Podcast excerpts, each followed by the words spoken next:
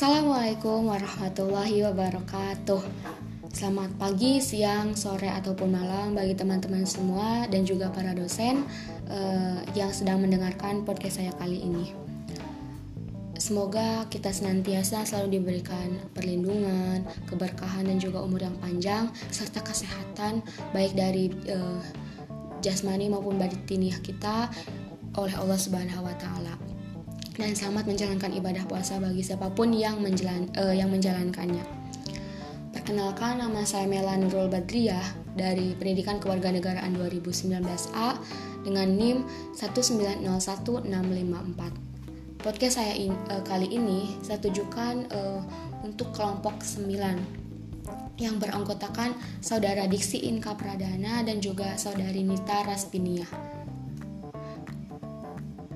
saya ingin memberikan sedikit komentar kepada kelompok 9 terkait pemaparan materi yang telah disampaikan. Saya rasa sudah cukup baik keduanya dalam uh, menyampaikan materinya. Uh, cara penyampaian materi oleh saudara Nita ini dan saudara Diksi pada dasarnya uh, sudah cukup uh, baik, ringkas dan jelas.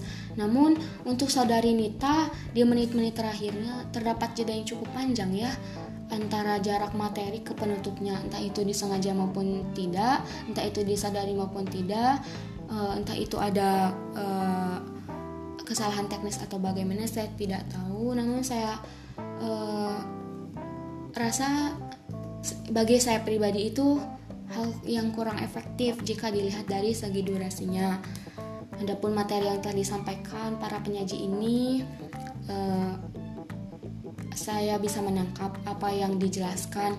Semoga uh, segala kritik yang telah saya sampaikan bisa menjadi bahan pembelajaran sekaligus sebagai evaluasi ke depannya agar lebih baik lagi.